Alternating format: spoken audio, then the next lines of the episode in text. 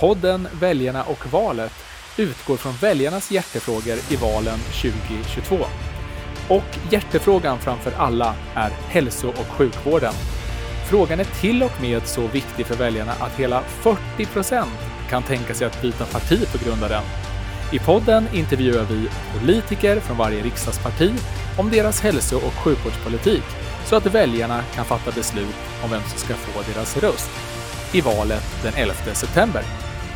Och jag som ställer frågorna heter Peter Leander och arbetar med politik och kommunikation på LIF, de forskande läkemedelsföretagen. En branschorganisation som genom läkemedelsföretagen samarbetar och partner upp med hälso och sjukvården för att verka för att Sverige ska ha en vård i världsklass.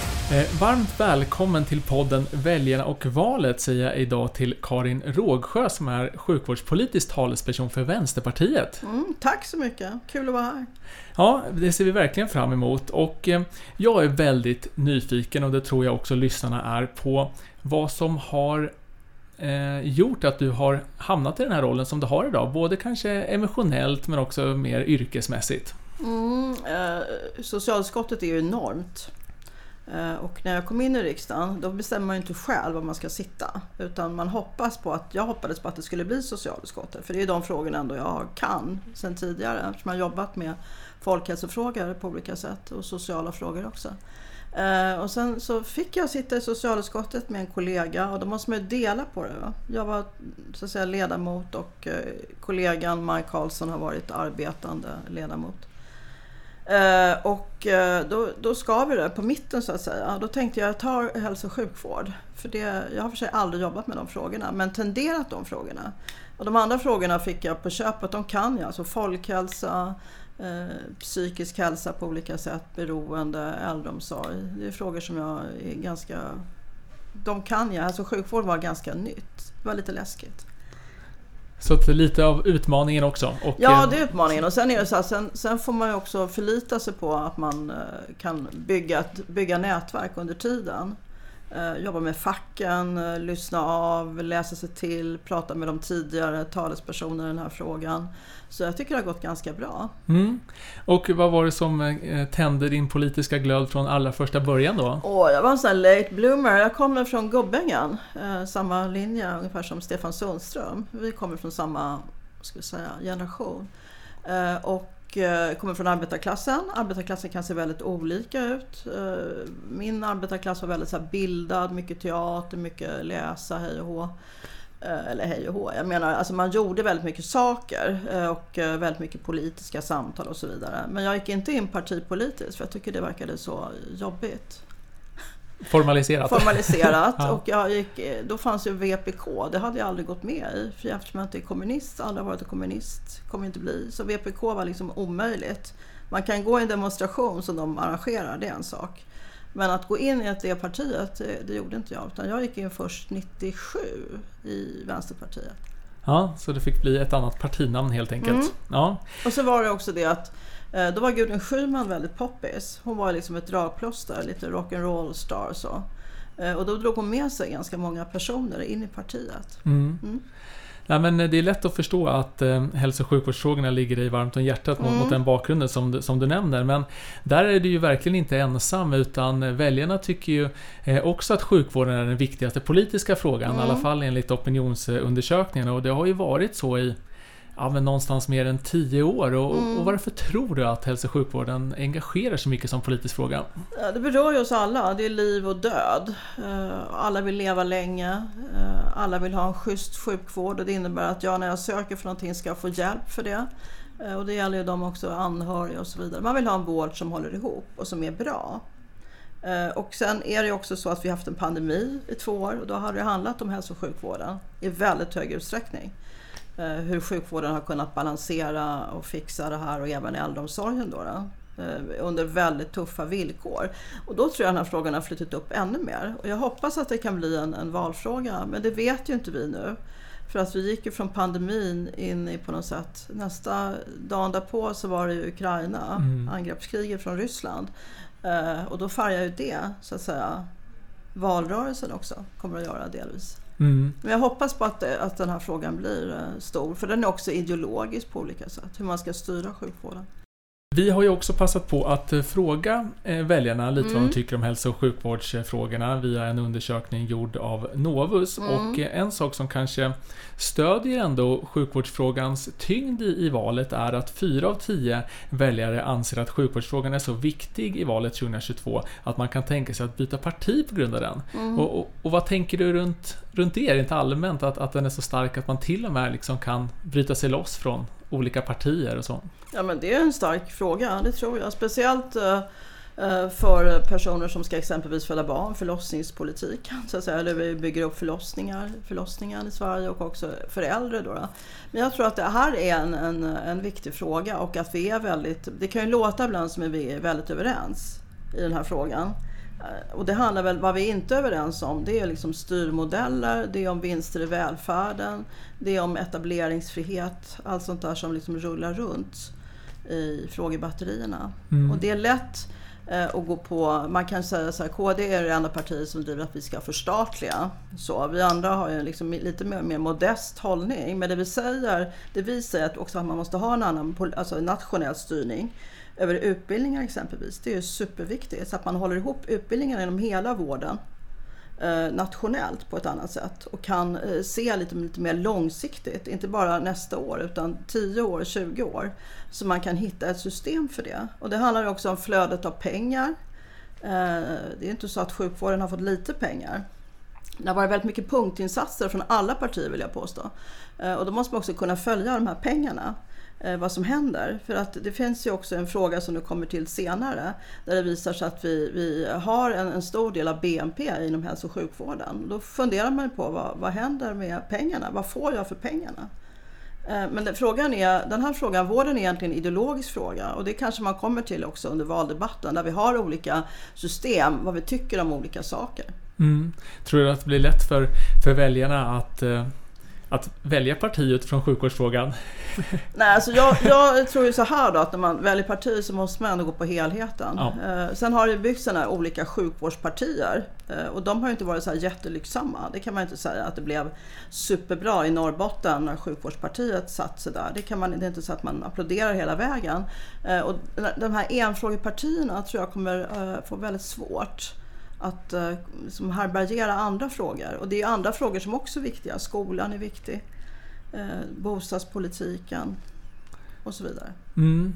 Nu kanske jag slår in en, en öppen eh, dörr här möjligtvis, men för du har delvis svarat på det, men, men spelar det någon, någon, roll för hälso och sjukvården vilket parti det är som styr? Ja, det är klart det gör det. Och det grejen är att man, ibland när vi pratar om hälso och sjukvården, då kan det låta som det är regeringen som styr sjukvården. Och det är ju inte så. Och det måste man liksom komma ut med lite mer. Eh, offensivt att det är regionerna som styr sjukvården. Eh, och då kommer man till det enkla fakta att i 19 av våra regioner sitter Centern vid makten och i 13 sitter Moderaterna och KD och Liberalerna delvis. Då. Så det här är en politisk fråga som, som vi absolut tycker väldigt olika om. Mm. Och där, alla, där vi som partier har olika frågor som vi driver gentemot eh, så att säga, den rådande politiken. Mm. Träffar du någonting dina regionkollegor i partiet? Är ni liksom jättemycket, ja. jättemycket. Speciellt här i Stockholm då, eftersom vi gör saker tillsammans. Vi kommer göra ännu mer saker tillsammans. Vi har väldigt bra kontakt. Men också med andra regional, regionalpolitiker träffar vi ganska regelbundet, har mycket kontakt med. Eh, nu tar vi fram ett material för valet tillsammans. Så att vi kör ganska offensivt tillsammans och det är viktigt. Mm. Eh, och vi ringer runt och kollar läget också, hur det ser ut. Just det, så att vi kan förvänta oss en kampanj från Vänsterpartiet när det gäller sjukvårdsfrågan på både lite regional och nationell nivå då kanske? Jag tror att man måste eh, på något sätt bredda frågan när det gäller regionpolitiken. För att det är inte så många som känner till sina regionpolitiker. Alltså de som styr. Då får ju de gå fram och förklara varför det ser ut som det gör i deras regioner. Så att det blir en politisk debatt som handlar om just hur har vi byggt upp den här politiken i den här regionen. Eh, och så har vi en annan spelare också och det är ju SKR. Sveriges kommuner och regioner eh, som har en väldigt, vad ska vi säga, eh, en impact som är ganska eh, stor, om man får uttrycka sig milt, då, på de här frågorna. Och SKR är också politiskt styrt men också tjänstemannastyrt. Och det hoppas jag, det kan jag säga rakt in här, att jag hoppas att man tittar lite på SKRs roll Att vissa delar som handlar om, om vissa frågor inom hälso och sjukvården kanske man ska ge till typ Socialstyrelsen istället eller Folkhälsomyndigheten eller vad det kan vara. Eftersom SKR är inte en myndighet och det blir inte transparent, det är svårt att följa. Eh, och då måste man nog se över det lite. Mm. Ja, men intressant. Och den här podden heter ju Väljarna och valet. Mm. Och ett av skälen till det namnet är ju att vi också vill att väljarnas röst ska komma fram i de här politiska samtalen. Mm. Så att du får se mig lite som en intermediär här mellan väljarna och, och dig som ja. politiker då. Och då har vi gjort den här väljarundersökningen för att se lite hur, hur väljarna ser på olika delar av, av hälso och sjukvården. Och när vi frågar väljarna då vad de tycker att eh, politikerna bör prioritera allra mest, mm. då svarar de att de vill att ni förbättrar villkoren för vårdpersonalen. Och eh, jag tänker att eh, jag har själv tittat lite i, i er egen politik där och, och, ni har ju adresserat liksom den här frågan på olika sätt där ni vill se över arbetsmiljön i vården, mm. kompetensutveckling mm. och så vidare. Och, men om du själv skulle skulle liksom eh, recensera det här lite. Hur, hur ser du på hela den här frågan runt eh, villkoren för, arbets, eh, för, för sjukvårdspersonalen? Mm, det är personalen som är guldet, det måste man komma ihåg. Och guld måste man liksom vårda. Eh, och då anser vi att man måste på den här frågan på ett helt annat sätt när det gäller vårdpersonal. Det handlar dels om arbetsmiljö.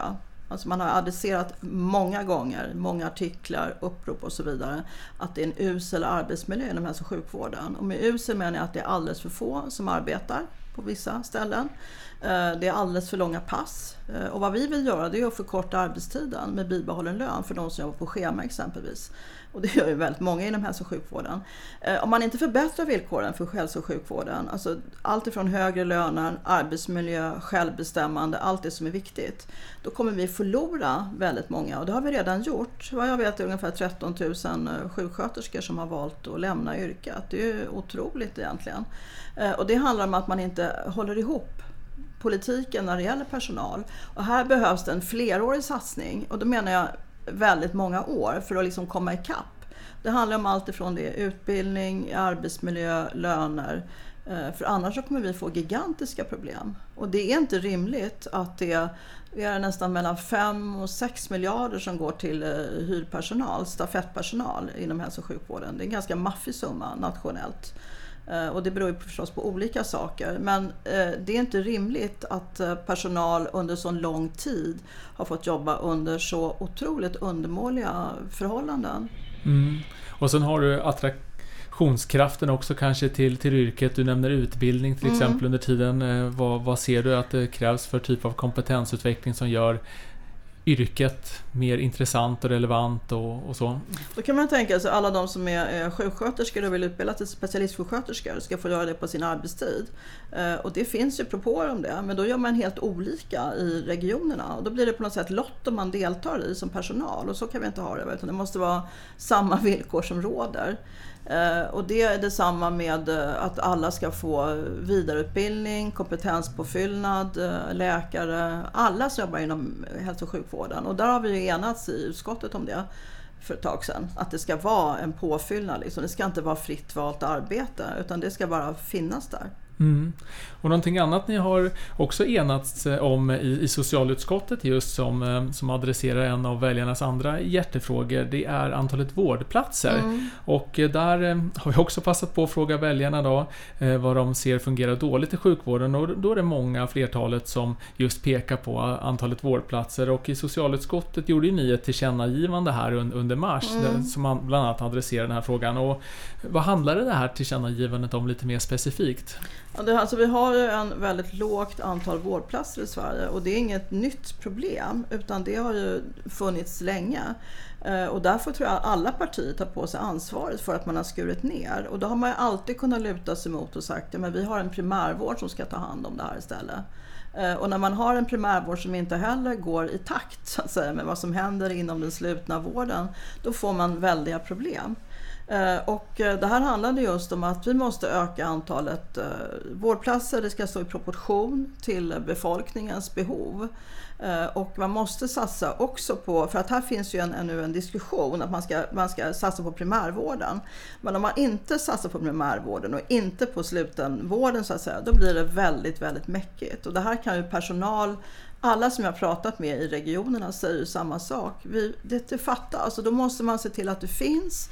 Men man måste också se till att, eh, att vi har en koll på det i, i, eh, nationellt. Att man gör en avräkning. Ja, hur har det blivit nu då? Har det blivit fler vårdplatser eller inte? Det är jätteviktigt. Mm. För det här, är ju, det här kan ju ska, alltså det här är ju en, en, en patientsäkerhetsfråga också. Och specifikt då inom intensivvården är det där man måste satsa på fler vårdplatser. Då kan man inte ha tänkt så här att ja, men vi kör 80 beläggning, eh, inte mer. Vi har liksom beredskap för det. Utan man måste tänka inom intensivvården, vi kör 100 och då får det vara några tomma platser. För det kan komma en dag, pandemi, eh, stor bilolycka, vad som helst i regionerna och då måste man kunna härbärgera det. Mm. Och ett ämne som kanske angränsar lite till den här typen av, av vård som man eh, får då är ju just om den är jämlik eller inte. Då mm. tänker jag både rent geografiskt men också socioekonomiskt, mm. demografiskt. Och jag vet att det här både din och, och partiets hjärtefråga. Och hur ser du på den, den frågan idag här i Sverige? Den är oerhört viktig. Alltså dels geografiskt eh, måste jag säga. Alltså är det så att även om du bor i, om du bor i Haparanda eller i Lomma ska du ha samma bra cancervård. Och så är det inte riktigt idag. Va? Utan det, det måste vara en självklarhet och vi måste komma dit. Och det handlar om att man ska följa riktlinjer och det som finns. Att man ska få den medicin som är effektiv, den behandling som är effektiv. Men sen finns det också det här klassmässiga. Eh, och det kunde vi också se under pandemin, att det finns en väldigt klassmässig ohälsa. Och det har det funnits länge. Eh, och nu kan man också se att skillnaden mellan oss som, som lever länge och de som inte gör det handlar just om, om klass. Eh, och då kan man se att skillnaden har ökat från Eh, i snitt då, eh, levnadsår har ökat eh, så att säga, skillnaden från fyra till sex år under ett antal år. Och det är ganska mycket och den här frågan måste man gräva i lite mer. Eh, och det är då man måste titta lite på hur ska vi liksom organisera vården? Då är det någonting som är fel. Om det går bakåt så är det någonting som är fel.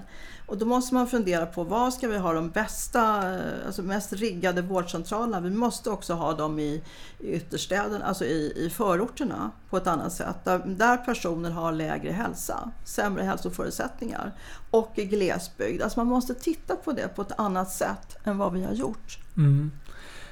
Så någon form av lite splittrad sjukvård egentligen som inte riktigt eh, håller ihop. Eh, kanske skapar den här ojämlikheten om jag ska tolka det rätt. Men, men ja. finns det annat, eh, andra sätt att komma till, eh, till, eh, till rätta egentligen med den här problematiken? Liksom här, med vårdinfra, eh, vad ska man säga, organ, organisatoriskt i vården? Organisatoriskt så tror jag just att, att man måste... Vi vill ta bort... Alltså, vi vill inte ta bort valfrihet. Vi tycker att alla ska få välja sin vårdcentral och whatsoever man väljer.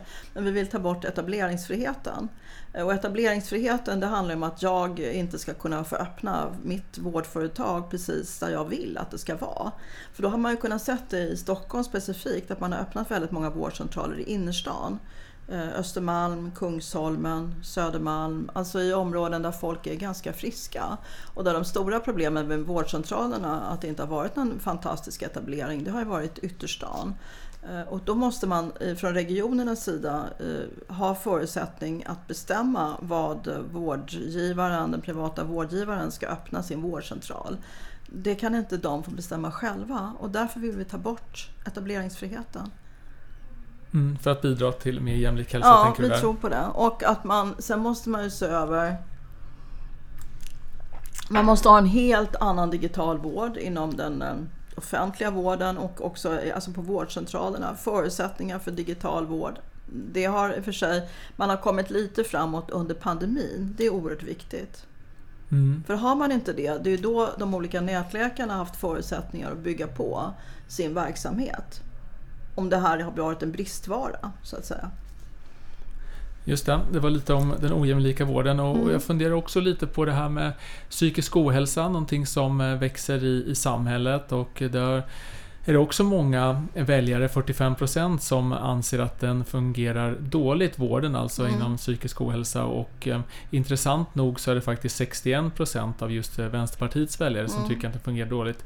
Hur tänker du själv runt eh, psykisk ohälsa och hur kan samhället och, och vården vara med och bidra det här är en jättefråga. Alltså psykisk ohälsa kan ju också vara allt ifrån att du har äh, ångest för att du har för mycket att göra.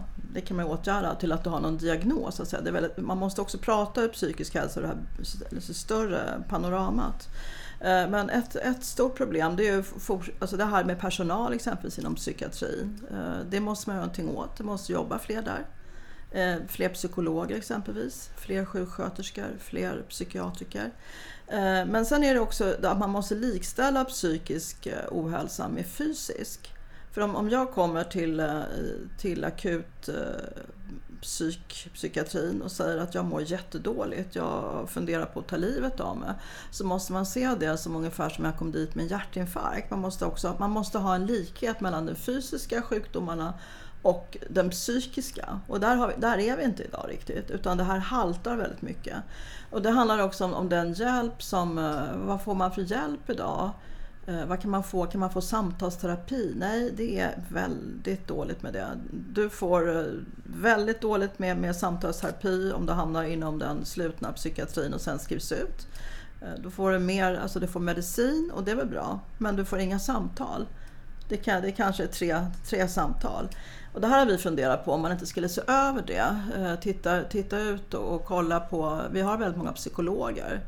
Eh, och om man skulle kunna ha någon form av högkostnadsskydd, ungefär när man gick till den privata då, psykologen för samtal, eller föra in det på ett annat sätt inom eh, den vanliga sjukvården så att säga. Mm. Så måste vi också ha, primärvården ska ju ta emot Eh, fler som mår psykiskt dåligt. Eh, och då måste man rigga för det. Man kan inte bara säga saker och hoppas det ska fungera genom att man säger saker. Eh, och då behövs det också anställas fler och ha en organisation för det. Och sen handlar det om barn och unga. Där man har oerhört ökad psykisk ohälsa. Och där måste man också ha olika ingångar de barn som mår absolut sämst, alltså som har diagnoser, mår väldigt, väldigt dåligt, hemmasittare, hela det gänget, de måste få direkt hjälp på BUP. De andra barnen måste kunna få hjälp inom primärvården, eh, är de lite mindre än sex år, inom, inom eh, barn och barn, barnhälsan så att säga, och eh, inom skolhälsovården. Och det funkar inte idag. Mm. Men ser du att det kanske finns behov av mer uppsökande verksamhet, mer eh, samarbete också kanske mellan kommuner? Ja, absolut. Mm. Allt sånt. Eh, för att det här är liksom, det går uppåt, den psykiska ohälsan. Då måste man fundera på vad. Det handlar också om arbetslivet och eh, ja, det, det är en jättefråga. Mm, stor ödesfråga för, för samhället. Mm. Jag tänkte när vi pratade lite om vårdens organisation så nämnde du själv digitalisering och mm. dens möjligheter för att Eh, för att bidra till mer jämlik hälsa mm. och, och, så vidare. Men det finns ju andra, olika typer av digitalisering och, och data. Och eh, vi passade på att fråga också väljarna hur de ser på eh, möjligheten att eh, anonymt dela hälsodata om det bidrar till vårdens utveckling och det var 88% mm. som kunde tänka sig det. Och hur ser du själv på hälsodata och hur det kan bidra till vårdutveckling? Ja, alltså det, är, det är en jättefråga. Men då måste man också titta på det så att det inte blir en spridning av mina hälsodata som hamnar någon annanstans. Så att jag får 40 000 reklamerbjudanden dagen därpå exempelvis. Men det är en oerhört viktig fråga som mm. hör ihop med just med digitalisering. Och att det är självklart att vi måste ha ett, ett journalsystem som håller ihop. Om jag blir jättesjuk i Jämtland så ska man snabbt kunna se eh, vilken typ av behandling jag har fått, vilka sjukdomsbilder jag har, allting. Och det funkar ju inte idag. Så någon form av bättre samordning helt enkelt? Absolut, och här har man ju talat om det jättelänge. Eh, och också att man skulle öka på den, de digitala möjligheterna på olika sätt. Men jag tycker, jag tycker det är ett misslyckande att vi inte har kommit längre. Det mm. måste jag säga.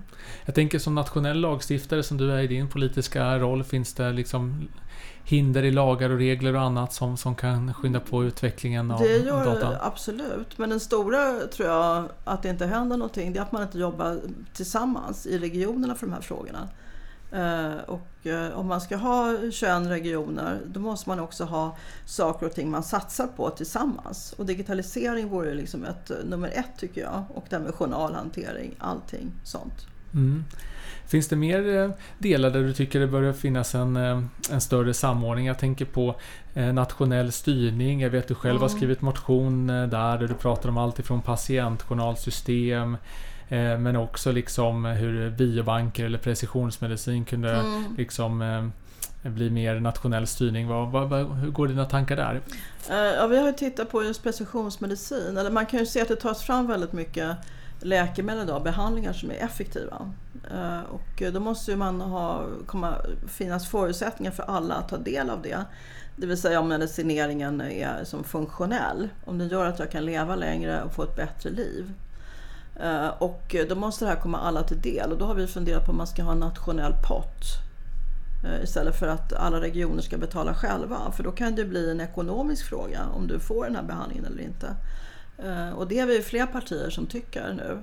Och det har vi ju, tror jag, lämnat fram till regeringen om jag inte helt ute och cyklar. Mm, ja, precis, tillkännagivande bland annat Tillkännagivande, om precis. Nationell strategi för, för särläkemedel. Mm. Och det handlar ju om också andra behandlingar då, att man måste titta på det, hur man ska få till det här.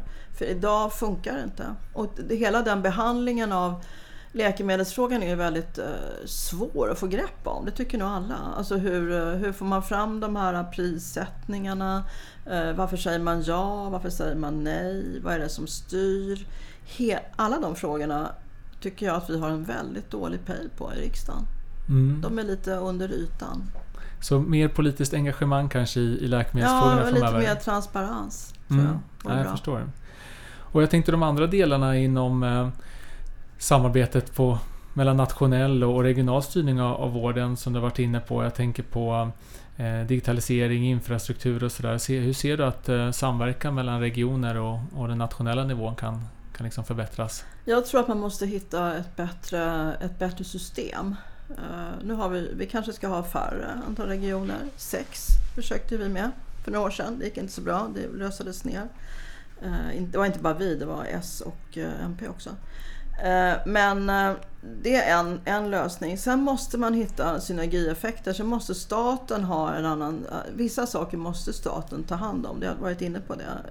Styra. Och det är exempelvis som jag sa tidigare utbildningar och så vidare. Och sen måste man hitta ett, ett, ett golv att stå på tillsammans. Och här blir ju SKR en ganska viktig så att säga, förutsättning för det. Men det handlar ju också om vilken typ av lagstiftning man måste ta fram. För till slut kommer ju staten, om inte det här funkar, om inte det regionala självstyret funkar när det gäller hälso och sjukvården, att vi får för, stora ojäm, för stor ojämlikhet, för stora skillnader, eh, då måste ju staten på något sätt gå in och göra någonting mer radikalt. Och då handlar det om styr, styrmedel för vissa frågor. Mm. Och nu börjar vi närma oss eh, valet ju. Eh, Det är 11 september i år och vi leker med tanken här nu att både du och Vänsterpartiet gör en riktig rusning här i opinionen. Får, får 51% av, av rösterna, 175% av Oj då. alla stolarna i riksdagen. Eh, Och du Karin blir socialminister. Vad är det första som du skulle göra i den rollen? Eh, det första jag skulle göra i den rollen det är att verkligen se till att eh, personalen får förutsättningar att jobba. Alltså det att utbildningarna håller ihop som jag pratade om tidigare. Eh, att man får bättre arbetsmiljö, eh, förkortad arbetstid med bibehållen lön, eh, bättre löner och bättre förutsättningar att styra själva också. Alltså personalen. För de har, de, det kunde man ju se under pandemin att det var inte politiker i regionerna som, som, som riggade hur, hur IVA skulle bli och så vidare. Det var ju personalen själva. Och då måste man ge dem förutsättningarna. Om vi har en, en personal som har förutsättningar att jobba eh, och är tillräckligt många och har en primärvård som funkar, då kommer det ju funka alldeles galant tror jag. Mm. Ja, men det låter som, eh, som vallöften i, i mina Mm. öron. Eh, Men för att du och Vänsterpartiet verkligen ska rusa i opinionen då, som, som var vår fråga här, eh, så behöver ni, precis som alla andra partier, börja kommunicera med, med väljarna. Mm. Och vad passar väl bäst i en valrörelse om inte kommunikation via en fysisk valaffisch? Så jag Mm. tänkte så här, Karin, att vi ska runda av podden lite. Och sen skulle jag vilja be dig att eh, få rita din eh, Oh. Eh, din Ja. egen Det är Därför valaffisch. de där ligger där. Jag Ja men exakt, det är det. Och, och ni som lyssnar på, på podden, ni har ju tyvärr inte chansen Jag är att... så eh, dålig på att rita. Jag får sån ångest. Åh! Ja men då blir det kanske extra spännande och ni som lyssnar på, på podden här, ni kommer få chans att se den här eh, Karins fina valaffisch här på, på liv.se i, i, i efterhand och eh, med det så säger jag ett jättestort tack till dig Karin Rågsjö för att du deltog i podden Väljarna och valet. Tack!